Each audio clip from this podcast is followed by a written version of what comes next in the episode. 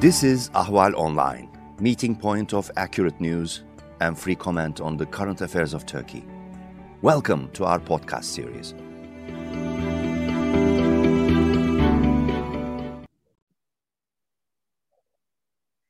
Welcome to a new episode of Turkey Trend, a part of Ahval podcast series. I'm Nervana Mahmoud, and the topic today is Libya.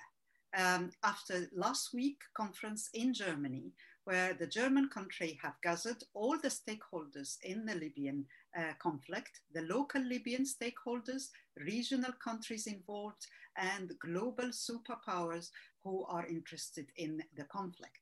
Uh, that's obviously including Turkey. Um, the aim of the German um, uh, Berlin conference, as stated officially, is to try to assist the United Nations in reaching a unifying position and vision to solve the crisis in the country. Uh, to discuss that further, particularly the role of Turkey in Libya, it's a pleasure to welcome one more time Libyan expert Aya Burweila. Aya, thank you for joining me today. It's my pleasure as always, Nervana. Thank you for having me. Thank you. So let me start with the Libyan stakeholders. Can you, before they went to Berlin conference, can you just briefly highlight the um, where we up to in Libya at the moment? Mm -hmm. uh, today in Libya, uh, the majority of the country wants elections. They want foreign forces to leave, and uh, they want to see a task force or uh, strong countermeasures against corruption and financial crime. And of course, the unification of the country's institutions. Uh, this is where uh, most Libyans stand, uh, according to the latest uh, perception surveys by USAID. Uh, and also you see forums, uh, even in June 19 to 20, there was the Benghazi Forum, where 15 political parties and civil society organizations came together and released a communique where they demanded elections, presidential and parliamentary, uh, and the removal of foreign forces and the restoration of Libyan sovereignty. So this is where the Libyans stand. Uh, of course, as you know, in Libya, we have a huge problem uh, with an Islamist uh, proxy minority, uh, Turkey's uh, proxies in Libya, who are doing their best to sabotage elections and to keep foreign occupation of Libya going. Okay, before I get into that, um, how did you perceive the dynamics between the international players uh, in the Libyan crisis during the Berlin conference, particularly Turkey and Egypt? Well, Egypt, uh, there was, of course, tension uh, between Egypt uh, and Turkey, but that is expected and that is nothing new.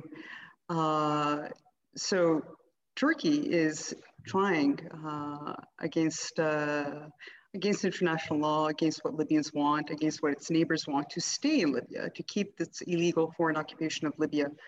Uh, and of course, uh, Egypt is 100% against that, uh, as is the international community. And remember, it was Egypt that drew the line in the sand uh, last year and told Erdogan, till here but no further. Right. And since then, uh, the Turks and their proxies were not able to even look in the direction of the East. so there is a lot of tension because, you know, to, to Erdogan, the East is a prize. This is where Libya's assets are. Um, so he, he wasn't, he, for the past year, imagine, they've been, uh, you know, eating sand uh, in the Northwest, not being able to move. Uh, their mercenaries are, uh, I don't know what they're doing. I do know that they're burglarizing and harassing uh, Libyans. But other than that, they're not uh, they're not moving forward, and it's been a year now.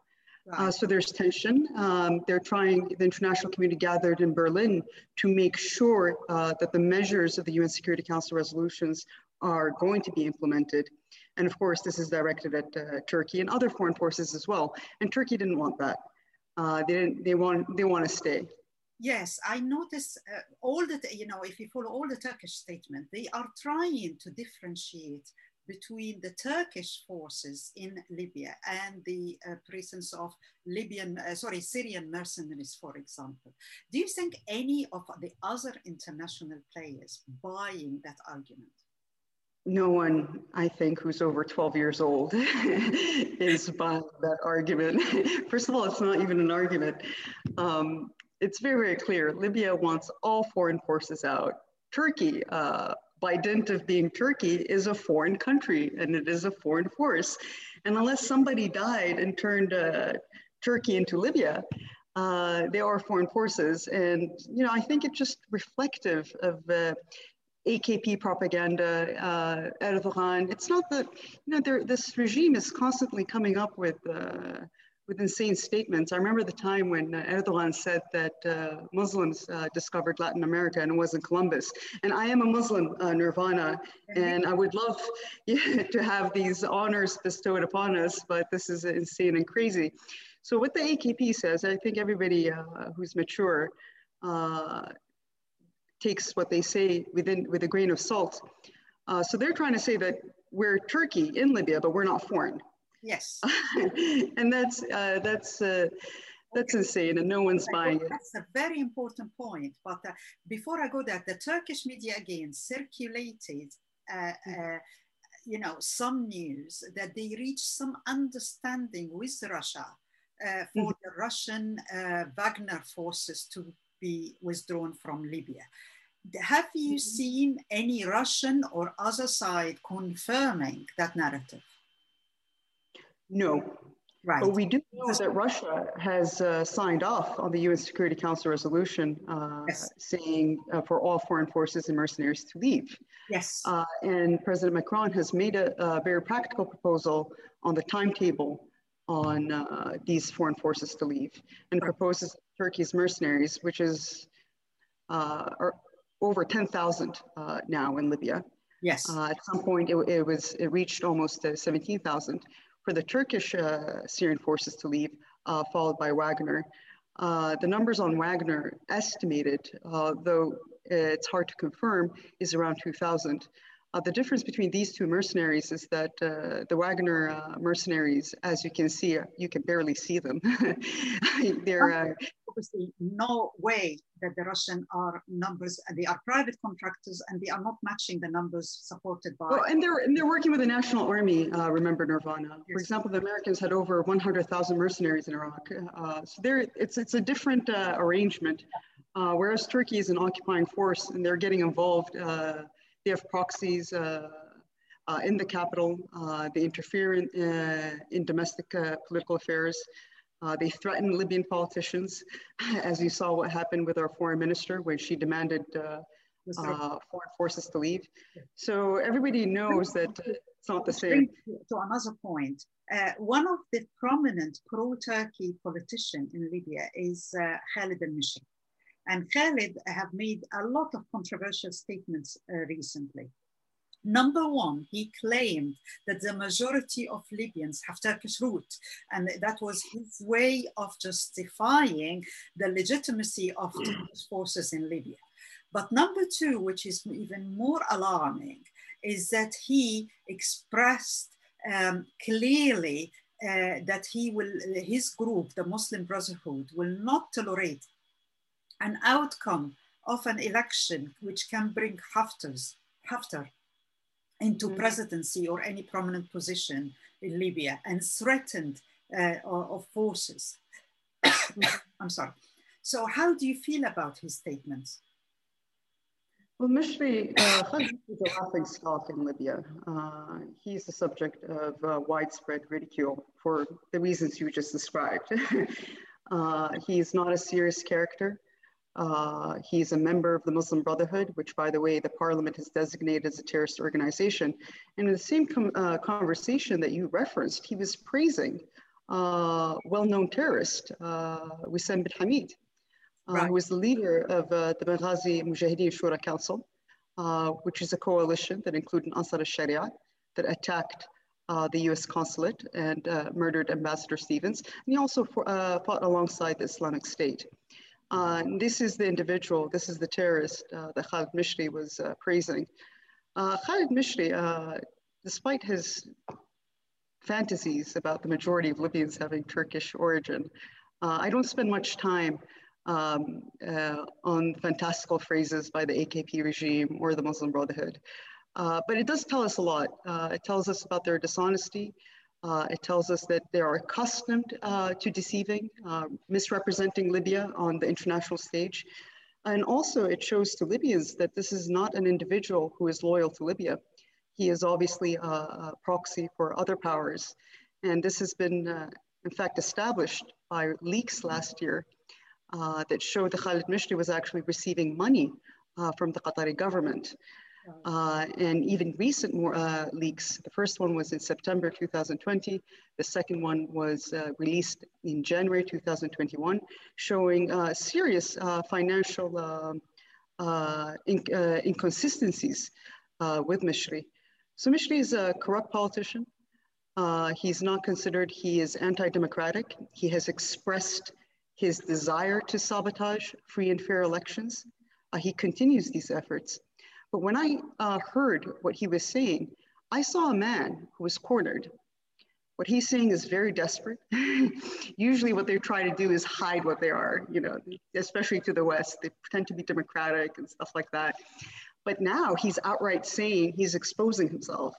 Uh, uh, and so what I saw is a very desperate man. People like Khalid Mishri are, uh, are hearing the fat lady sing.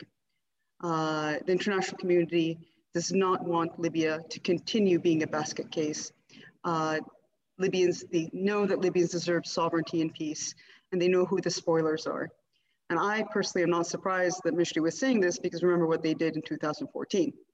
When they lost the elections, they violently invaded the capital and they started looting, they started killing, uh, and they took power by force. Uh, so what he said was alarming to Libyans. I think it was alarming to the international community. I think he has uh, now identified himself as a spoiler. Remember in the U, uh, United, uh, the UN Security Council resolutions, uh, uh, they call for sanctions against spoilers of elections. So Khalid Mishri might be facing, I think, uh, further legal investigation for treason, for financial corruption, and of course now sabotaging free and fair elections.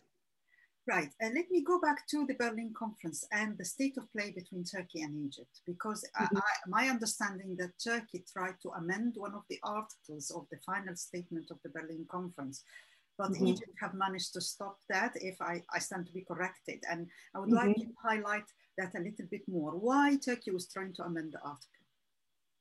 Because uh, Turkey um, introduced reservations, uh, they expressed their reservation, which they've obviously they've, and to me it was qu quite ridiculous because until uh, today they are violating uh, arms embargo, uh, they're violating Libya's sovereignty.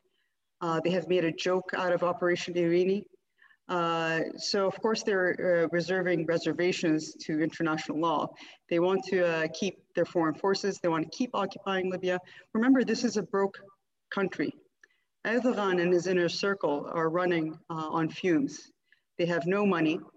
Uh, Turks are being persecuted. They're being oppressed. Uh, a, a, sizable portion of Turks are living under the poverty level. But um, when I mean living under the poverty level, not being able to eat properly. Right. So there are a lot of problems internally in Turkey, and these guys are looking for money.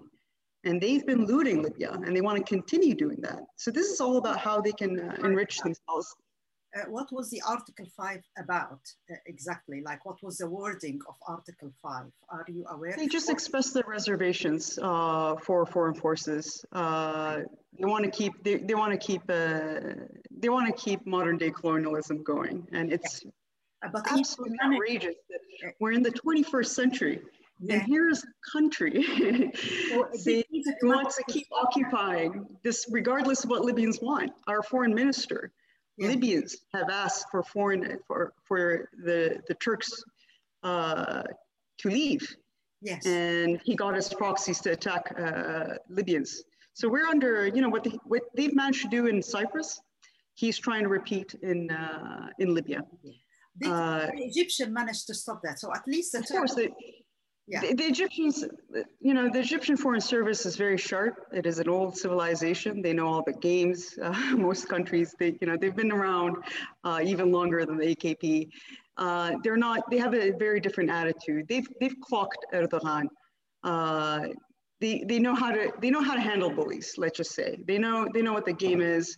You know, with the EU, uh, they say that they try to have a carrot and stick approach to uh, Turkey when it's more carrot and carrot approach. Uh, but Egypt's approach is stick, stick, and then maybe carrot.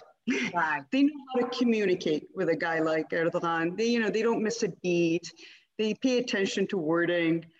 So they saw that Turkey was trying to sneak in some sort of uh, fake clause that they will later then abuse, and uh, and uh, Egypt put its foot down and uh, and blocked it.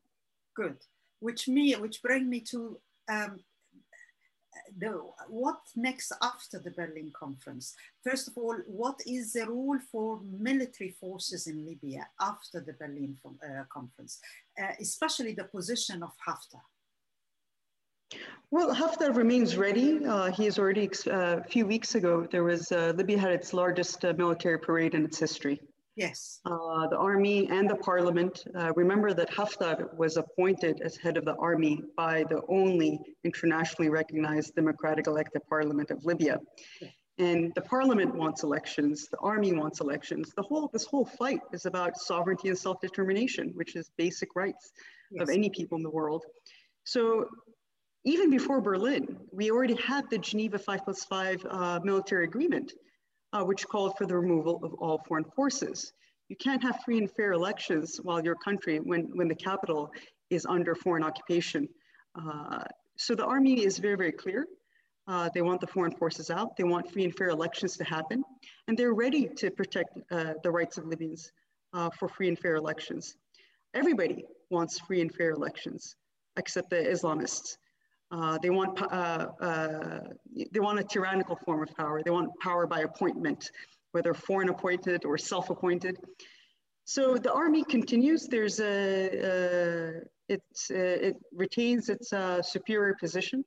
If you look at the map of Libya, the national army controls almost two thirds of Libya, and they certainly control the most important parts of Libya.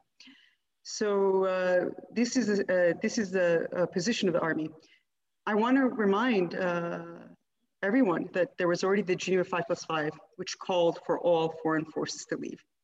And now Libyans are kind of worried. It's almost a year now. Uh, there needs to be action. There needs to be implementation. So what is what do you do when you have armed men who refuse to leave? And this goes back to the April 2019 offensive. The army, when it launched an offensive in 2019, is to remove these militias and proxies, who for six years, actually, if you want to be really specific, uh, for 10 years refused to disarm. So we have a serious militia problem. So how do you get uh, militias and intransit uh, states to comply with international law? Uh, this means that uh, if Turkey continues, uh, I guess force will be back on the table by the international community. and this is something Erdogan has to consider. though I do believe that even from the from the Turkish side, I think domestically, uh, Erdogan is going to be facing uh, an implosion. Uh, so he's he's going to have to rethink uh, how how thin he's going to stretch himself. Right. Uh, do you think Berlin conference have offered uh, some sort of legitimacy for um, Haftar forces? Uh, the legitimacy was always there. There's only one, uh, I mean, we have to legally, uh, it's always there. And if you look at if you look at the GNA's statements, the yeah. GNA was supposed to work with the army. The GNA was parachuted to Tripoli. Uh, yes. Uh, they have no forces. Uh, even, uh, but in the past few years, there's been a huge propaganda effort uh, to confuse people on who's who in Libya. Yes. Uh, the LNA is there. They work with various governments fighting even terrorism in the south, which the American administration has praised over and over again. So this is the legitimacy in the eyes of the Libyans uh, and in the international community is there. You have um, aligned and Turkish aligned pundits who are who try to confuse audiences on who's who. Yes. As I said, the Libyan army is the army of the parliament. Fair enough. Uh, which bring me to the last question: What's next? Because the Islamists are seems to be adamant that they will want uh, some conditions before uh, they allow the election, while others, most of the other politicians and stakeholders uh, in Libya are clear that they want the election first, and that's clearly the Egypt position, mm-hmm. other Arab countries, uh, and at least the EU, if from the way I, I saw mm-hmm. it. Um, can you see the future of the Islamic? I mean, obviously, I understand nobody can see the future, but how do you see it? Do you think the Islamists are just playing games, but they will back down, or do you think a future there is a, a potential of confrontation again in Libya, military confrontation? Uh, if things go as they are, uh, I said in my previous interview with the Greek Current that uh, people are just worried that the Berlin conference is just another talk. It's another psychotherapy session. It's another knitting group where people are going to just talk. People want action. And the truth is, with armed gangs or armed groups, it's very difficult to disarm them without force. it's hard to convince them. You, we, all these political processes have been tried uh, negotiations, talking. Uh, in the meantime, Libya goes into one abyss into another. Uh, and as I said before, that's why there was the launch of the April uh, offensive. It was uh, uh, it, enough was enough. So usually armed gangs do not uh, do not lay down their arms without unless they're forced to, and the international community may very well have to weigh that option. Uh, to force uh, any spoilers or terrorist organizations or militias who want to stop elections from happening? Well, let's hope that will happen because uh, I think uh, nearly everyone who care about Libya want an election to happen, want democracy to start, and want the country to go on the right path again. And on that note, I thank you very much, Aya, for joining me again. And uh, thank you for everyone who watched this episode and see you for the next episode of Turkey Trends. Goodbye. Goodbye. You can follow Ahval News Online podcast series through Apple Podcasts, Spotify, YouTube, Google Podcasts, SoundCloud, and Spreaker. All you need to know about Turkey is here for your ears, mind, and attention. Thank you for listening to our podcast.